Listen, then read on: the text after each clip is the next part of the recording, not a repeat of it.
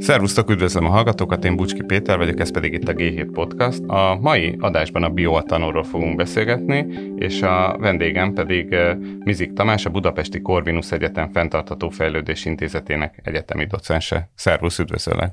Jó reggelt, és üdvözlök mindenkit, köszönöm a meghívást.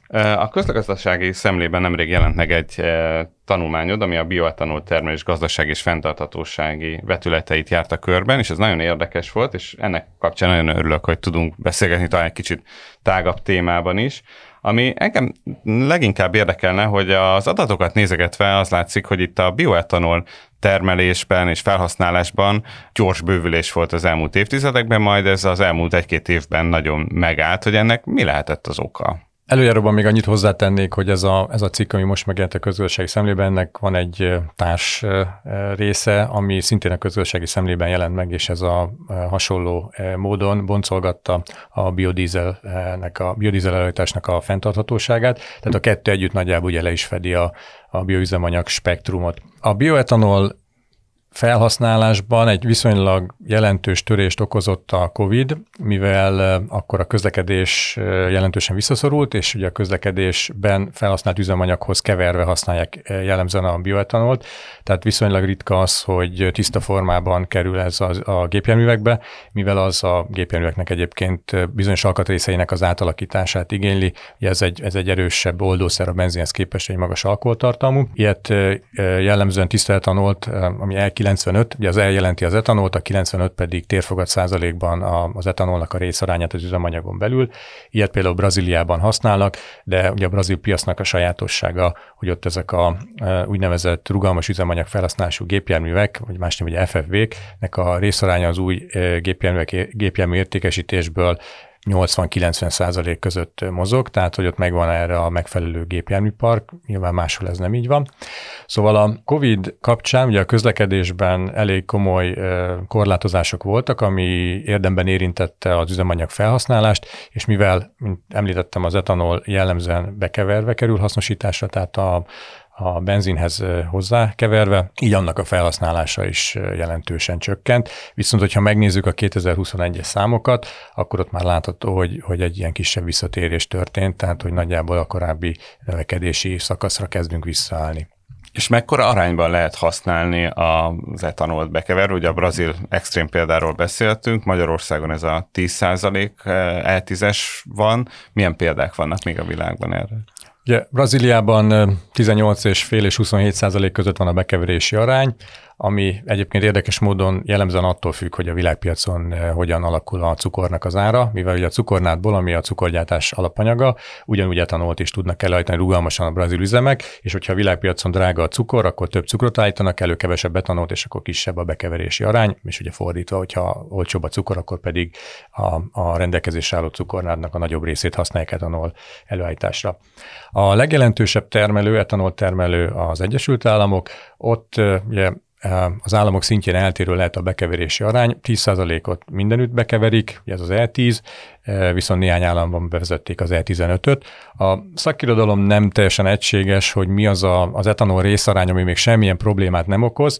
15%-ig viszont még egyértelműen azt mondják, hogy ott nincsen probléma, tehát voltak erre vizsgálatok, tehát hogy az nem igényli a mai modern gépjárműveknek semmilyen mértékű átalakítását, tehát hogy azok tudnak menni ilyen üzemanyaggal.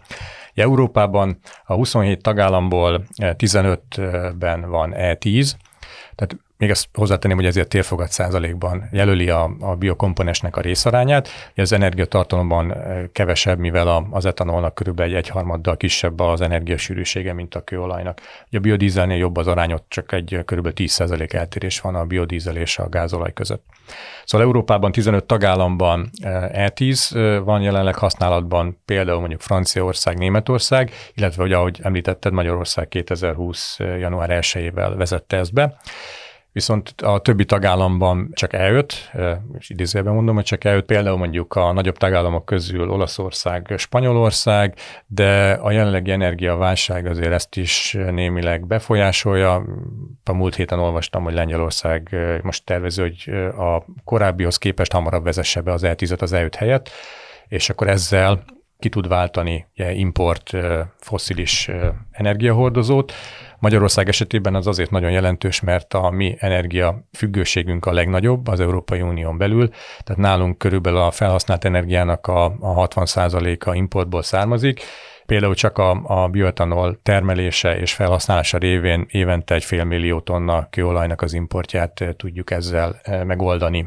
Ennek kapcsán az még egy fontos kérdés, hogy amikor ilyen magasak a, az energiahordozó ára, különösen kőolaj a világpiacon, hogyan alakul ehhez képest mondjuk a bioetanol vagy a biodízelnek a, az előállítási költsége? Igen, azt kell látnunk, hogy a, a kőolajjal az a fő probléma, nyilván amellett, hogy, hogy ennek a, a, a kőolajból a, a finomítás, ennek a technológiája, ez egy kiforrott technológia, jól működik, jól bejáratott technológia, és azt mondhatjuk, hogy viszonylag egyszerű is az előállítás. A fő probléma az, hogy olcsó, tehát még ezen a 85 dolláros hordonkénti áron is olcsó, tehát ezzel nehéz versenyezni, a biodízelnek még nehezebb, mint a, a bioetanolnak, Viszont azt is látni kell, hogy ezzel a, az import függőség mérsékelhető, tehát mint mondtam, ugye Magyarország is viszonylag jelentős importkőolajat tud ezzel kiváltani. Másrészt a bioetanol előállítás során keletkező melléktermékek közül talán az egyik legjelentősebb ez a száraz gabonatörköly, ami egy magas fehérje tartalmú takarmány. Ezzel például mondjuk import szója váltható ki, az Európai Uniónak az elképzelése az, hogy 2030-ra 55%-kal csökkenjen az üvegházhatású gázok kibocsátása, az energia mixben 40% legyen a megújulóknak a részaránya, és 2050-re pedig a cél a teljes karbonsemlegesség. Ebből a szempontból, ha a közlekedést nézzük, egy nagyon fontos az, hogy, hogy hogyan tudjuk ezeket a foszilis energiahordozókat kiváltani. Erre most jelen pillanatban a legköltséghatékonyabb megoldása a bioetanol, azt látnunk kell, hogy, hogy a, a környezetvédelem, vagy a dekarbonizáció, vagy a megújulóra való áttérés, ez költségekkel jár. Ez drága. Nyilván, hogyha ingyen lenne, megoldódna a probléma azonnal, viszont ez, ez, ez drága, kellenek majd újabb beruházások, és nyilván itt a, a technológiák tekintetében is a folyamatos fejlesztés, innováció. Ebből a szempontból jelentős az, hogy, hogy egyre több integrált biofinomító jelenik meg a piacon. Ezek a, az integrált biofinomítók arra képesek, hogy a bejövő nyersanyag minden részét felhasználják, és ezekből különböző magas hozzáadott értékű végtermékeket állítanak elő.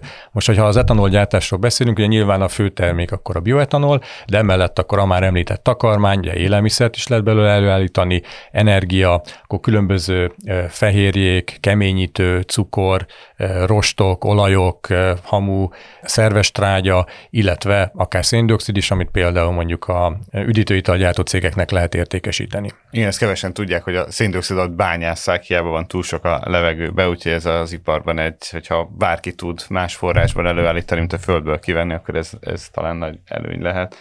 Ennek kapcsán még tényleg az az érdekes kérdés, hogy miből érdemes a bioüzemanyagokat előállítani, tehát erre direkt kell akkor olyan növényeket eh, termeszteni, mint mondjuk cukornád Brazíliában, vagy nálunk ugye a kukorica Európában alapvetően, vagy mondjuk lehet ezt mezőgazdasági hulladékból, vagy eh, melléktermékből, vagy erre direkt kell olyan növényeket találni, amik az adott eh, klimatikus viszonyok és talajviszonyok mellett a legjobbak erre. Jelen pillanatban az úgynevezett első generációs bioüzemanyagok előállítása adja a bioetanol és a biodízel termelésnek is a zömét. Ebben az esetben ugye olyan nyersanyagok kerülnek felhasználásra, amelyeknek van egy nagyon erős alternatív felhasználási módja. Nyilván a kukoricánál ez a élelmezési cél talán kevésbé veszélyezteti, mi ugye a kukoricának egy viszonylag kicsi részaránya kerül élelmezési célra felhasználásra, de ugye ebből is kerül például mondjuk az a kukoricaglutén előállításra, izocukor és hasonló termékek. A jelenlegi eh, bioetanol termelés az a, a nyersanyagoknak, a felhasznált alapanyagoknak a viszonylag magas keményítő tartalmára épül, és ugye fermentációval, cukrosítás révén ez egy nagyon régi módszer, ezzel kerül előállításra a bioetanol. A későbbi generációknál annyi a nagy eltérés a jelenlegihez képest, hogy a felhasznált nyersanyag más jellegű. A úgynevezett második generációnál ez a lignocellulózra épül, ami ugye különböző ilyen eh, növényi eh, fa, fa apríték, tehát bármi olyan, aminek magas a cellulóz tartalma lehet felhasználni. A harmadik generáció az alapvetően ilyen alga alapú termelés, hát a negyedik generációnál már vannak eltérések attól függ, hogy ki milyen szakirodalmat olvas. Itt ebben a cikkben egyébként, amit én hivatkoztam szakirodalmat, ott a, a génmódosított alga alapú termelés az, amit a, az a szerző, aki, akit én hivatkoztam, tekint negyedik generációnak. Tehát azt lehet látni, hogy a későbbi generációknál az alapanyag már vagy egyáltalán nem, vagy nagyon korlátozottan használható például mondjuk élelmezési vagy takarmányozási célra, és sokkal inkább előtérben van a, a, ez a bioüzemanyag előállítási potenciál.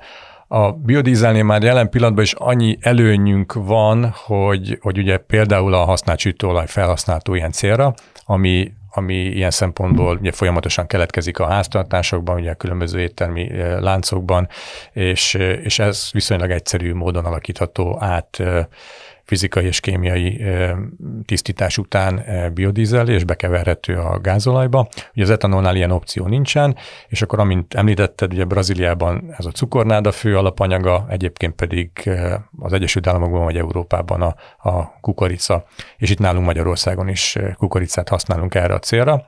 Ugye Magyarországon nagyjából a, a belső, tehát a hazai igény az kb. 4-5 millió tonna kukorica körül alakul.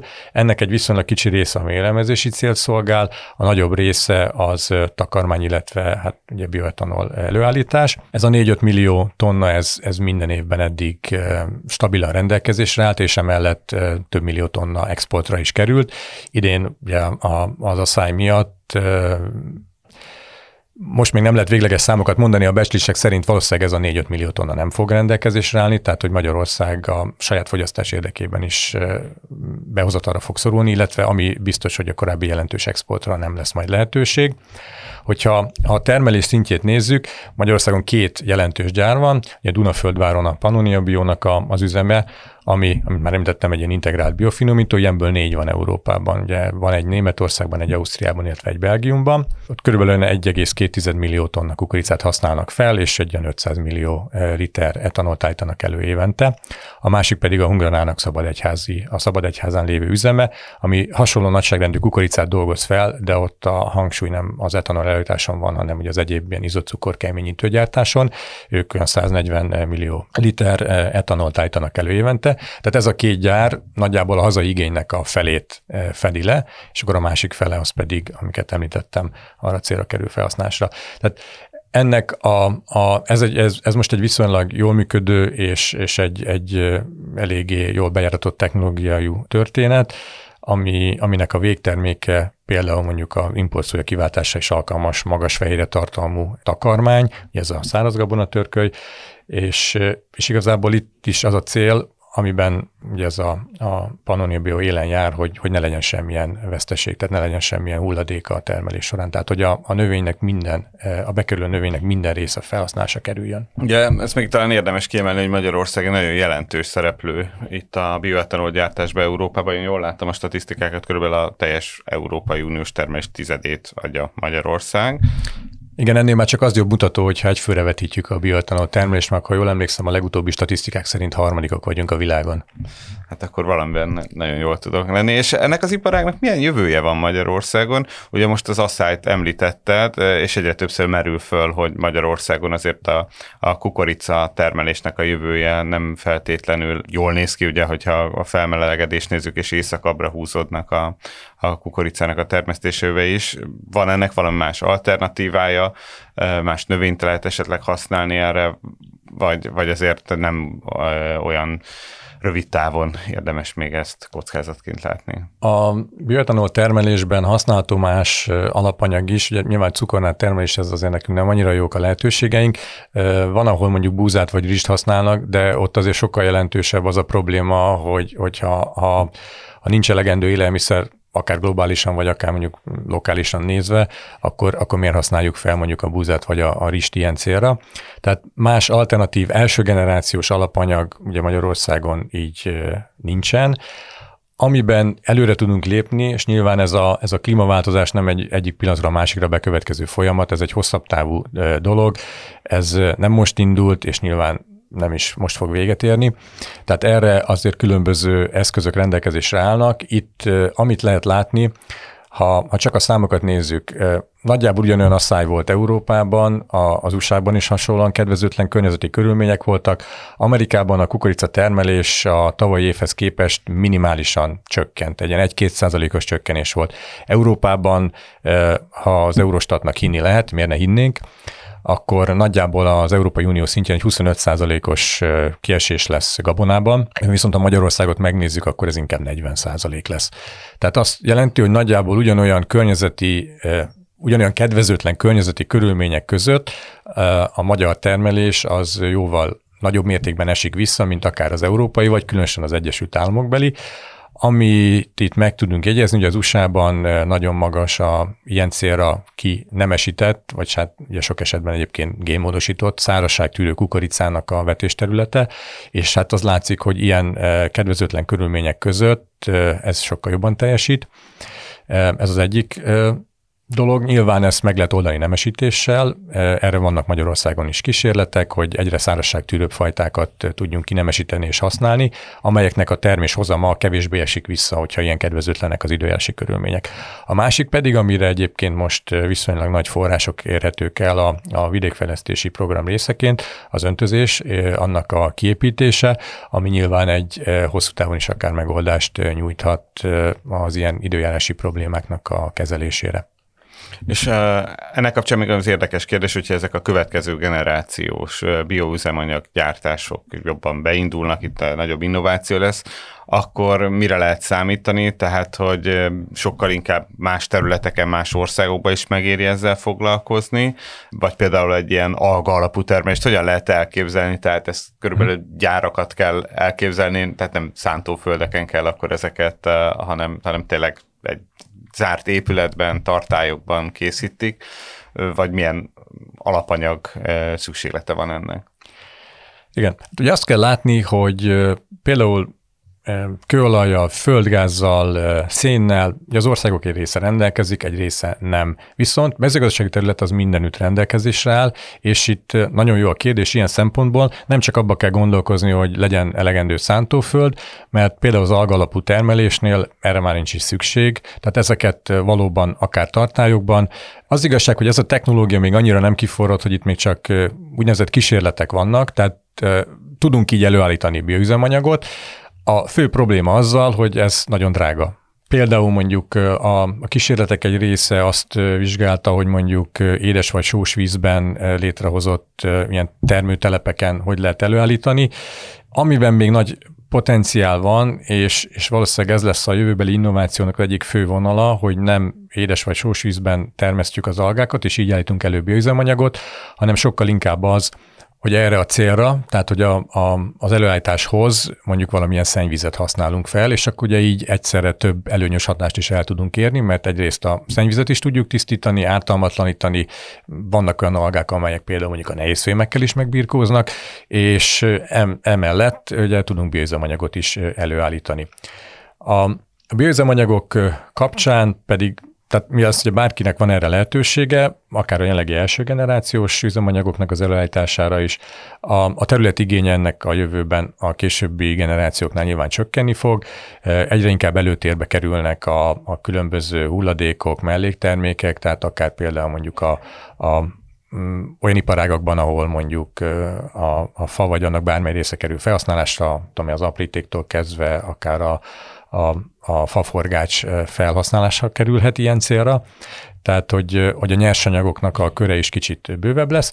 Az algáknál az a, az a fő probléma jelenleg, hogy drága a technológia, különösen azok az enzimek, amelyek felgyorsítják az üzemanyagnak az előállítását, és hát ezek is valószínűleg olcsóbbak lesznek az idő előre alattával, meg nyilván majd, hogyha esetleg ez sikerül valamilyen ipari mértékben megcsinálni. Jelenleg ez ipari mértékben nem gazdaságos sehol ha, ha ilyen édesvízi előállítást nézünk, amit legutoljára olvastam ezzel kapcsolatban információt, az a, a, az első generációs képest, képest egy ilyen százszoros áron lehet előállítani, tehát abszolút nem éri meg.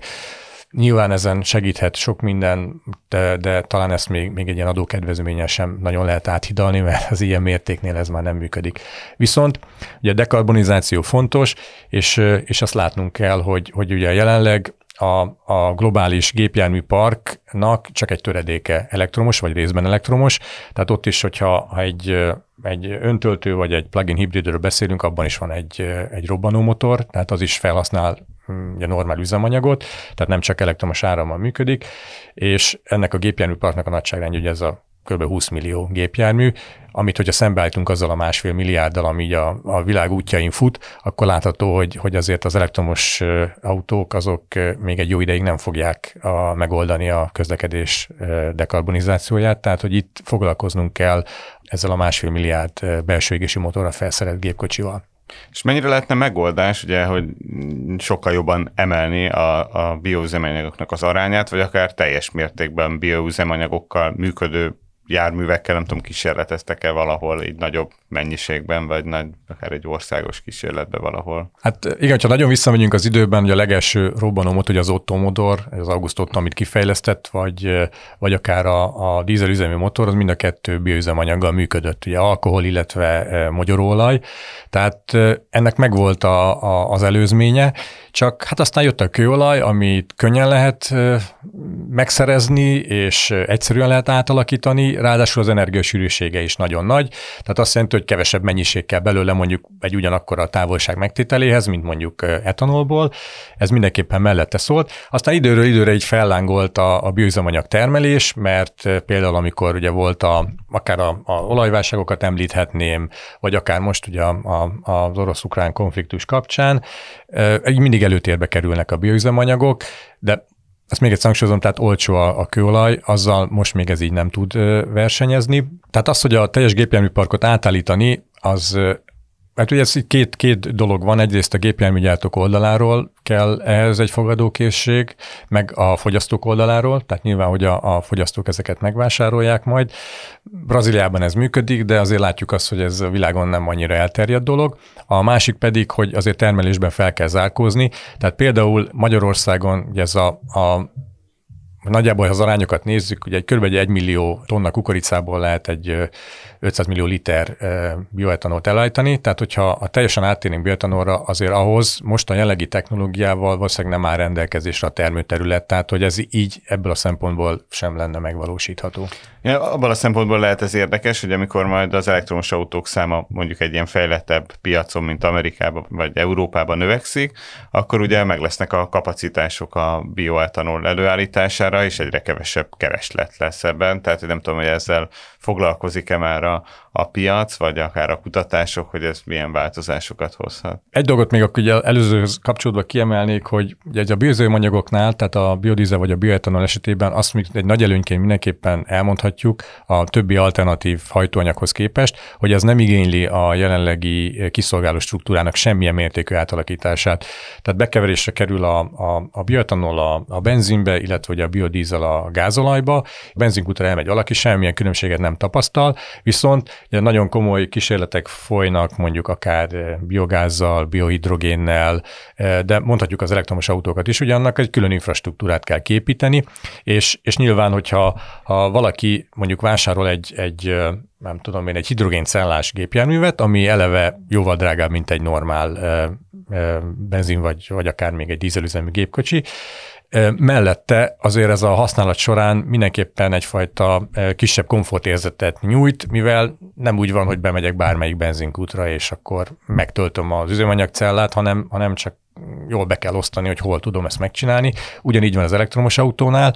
Ott is még ugye további fejlesztések kellenek ahhoz, hogyha valaki egy hosszabb útra elindul, akkor egy normális idő alatt például fel tudja tölteni az akkumulátorokat olyan e, nagyságra, hogy azzal tudjon utazni. Nagyon, hogy mondjam, vicces példa volt ezzel kapcsolatban az, hogy a német környezetvédelmi miniszter is egy elektromos autóval járt, de aztán attól félt, hogy esetleg nem fog tudni eljutni bizonyos helyekre a, a hatótáv korlát miatt, és akkor végül áttért egy, egy fosszilis üzemanyagú, egy benzin motoros gépjárműve.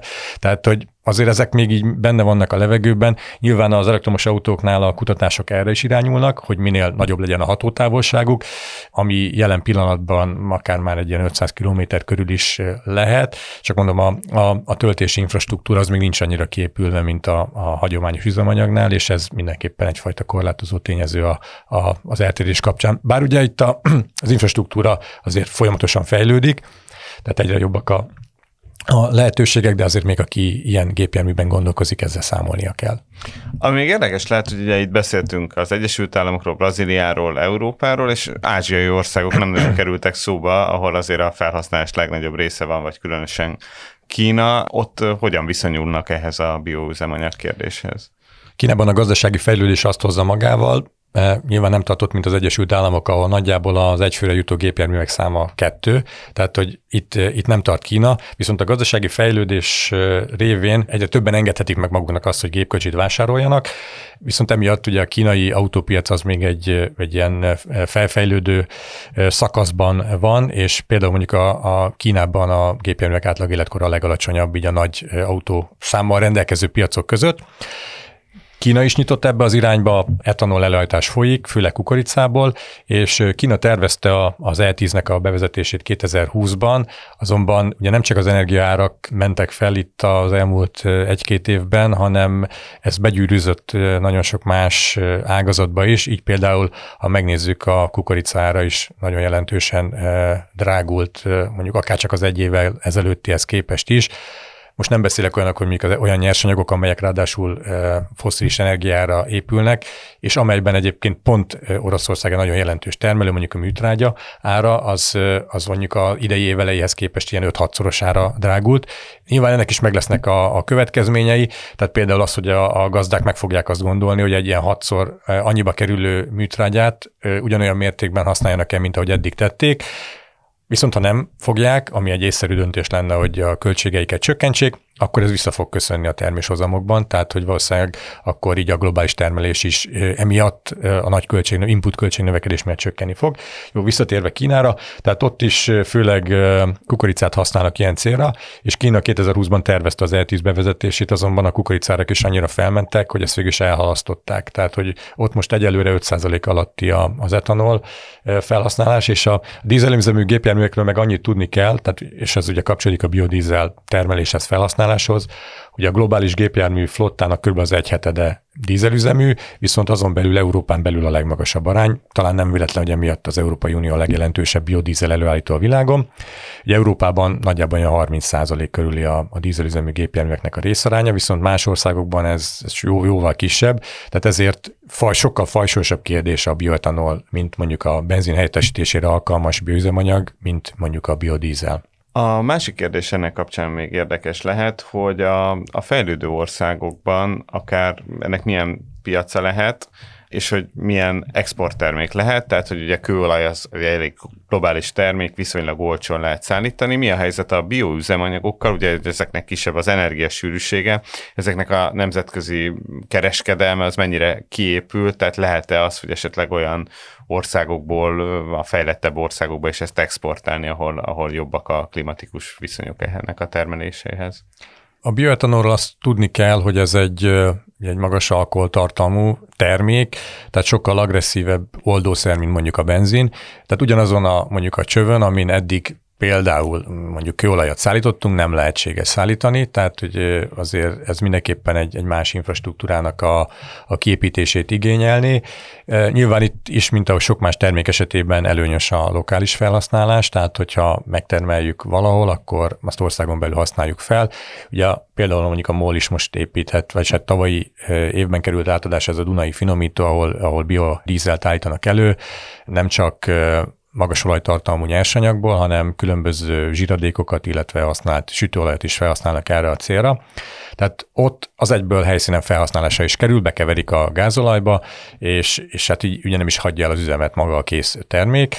A, amit látni kell a fejlődő országokban, hogy ott, ott azért ez e, ilyen szempontból kevésbé fajsúlyos kérdés, viszont nagyon sok olyan fejlődő ország van, ami jelentős bioüzemanyag előállítónak számít. Hát mondjuk például, hogyha Brazíliát is ide soroljuk, ugye nyilván ugye a második számú az USA után az etanolba, viszont biodízelben Ugye az Európai Unió, ha egészében nézzük, tehát az összes tagállamot, akkor legjelentősebb biodízel előállító, viszont olyan fejlődő országok is jelentős termelési potenciállal bírnak, mint mondjuk a tudom, Fülöp-szigetek, Tájföld, ahol egyébként jellemzően pálmát használnak erre, tehát pálmaolajból, és azt pedig exportálják Európában. Ugye ez is egy érdekes kérdés, hogy Hát nyilván ez több kérdést is felvet, de az egyik az, hogy, hogy mondjuk olyan országokban, ahol például az élelmiszerellátásnak a biztonsága nem teljes mértékben megoldott, miért mondjuk pálmaolajat termelnek, amikor termelhetnének helyette élemezési célra bármi mást de nyilván ugye ebből egy komoly exportbevétel van, viszont a másik oldalról az is egy, egy probléma, hogyha az Európai Unió a, a klímasemlegesség mellett tette le már a voksát, ami ez most már hivatos dokumentumokban megjelent,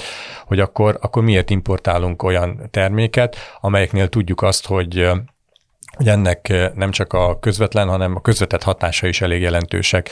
Tehát például az, hogyha ha egy adott területen, eh, mondjuk egy fejlődő országban pálmaolajat állítanak elő, tehát pálmafák vannak, és nem élemezési célra használják, akkor nyilván valahol valamilyen más területet kell arra felhasználni, hogy ezt előállítsák, és van ez a, ugye ez a, a közvetett földhasználati hatás, ami szintén egy viszonylag jelentős dolog lehet. Európában nyilván, ahol, ahol még most is ott tartunk, hogy bizonyos években, jó, idén lehet, hogy nem, de egyébként átlagos években eh, élelmiszer alapanyagokból túltermelés van, ez nem probléma, de ott, ahol, ahol ez nincsen meg, ott azért ez komoly problémát okozhat. Tehát a fejlődő országoknál ez lehet egy, egy jelentős bevétel, bevételi forrás, mert ugye erre van kereslet, illetve hát az is előfordul, hogy, hogy például mondjuk alapanyagot vásárolnak meg a, a fejlett országok, és akkor utána majd az alapanyagból állítják elő ugye a nagyobb hozzáadott értékű terméket, mint például a, a, az etanol.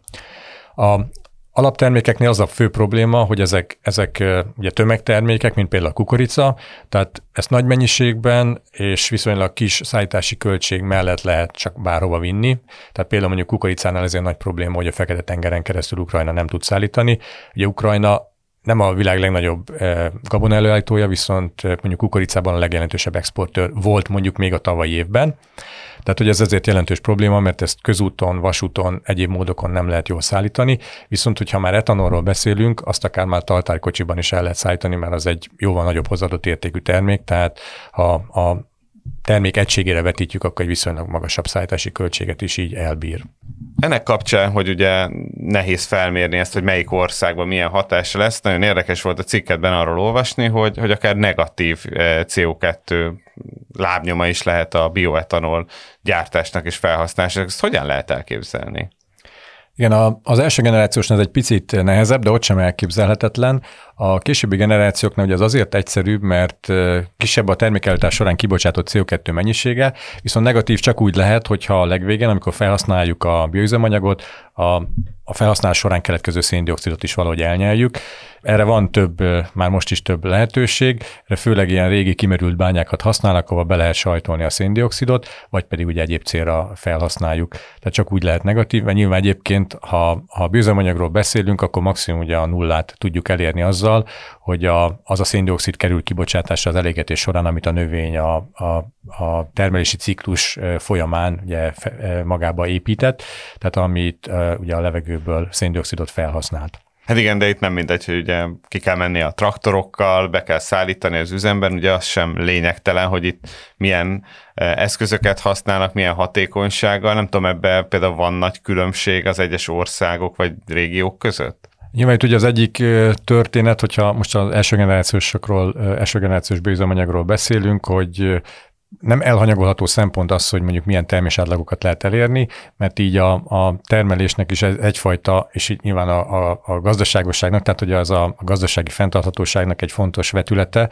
hogy ki milyen hatékonysággal tudja előteni mondjuk a kukoricát. Ugye Ugye az usa volt már szó, hogy, hogy ott azért eléggé más módon folyik a, a megfelelő hibrideknek az előállítása, viszont az USA élen jár a, a termés átlagokban is, ott a rossz években 10 tonna, a jó években meg most már a 11 fölött van bőven a, a termés átlag.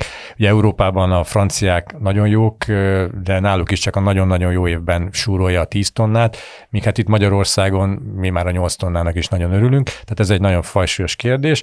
A másik oldalról pedig igen, tehát hogyha ha megnézzük a CO2 kibocsátást, akkor, akkor valóban a teljes termelési ciklus ciklust figyelembe kell venni, ami onnantól indul, hogy mondjuk az inputok előállítása során is szabadul fel széndiokszid, és azt is bele kellene számolnunk igazából ebbe a, a teljes termék életciklus széndiokszid kibocsátásba, és így, így azért igen, valóban ennek a, az egyenlege azért nem feltétlenül annyira pozitív, mint hogyha csak nyilvánhoz képest semmiképpen, hogyha csak magát a bőzemanyagot nézzük, mert ott az előtás során annyi széndiokszid bocsátódik ki, mint amennyit a növény a, a fejlődése során a légkörből kivont.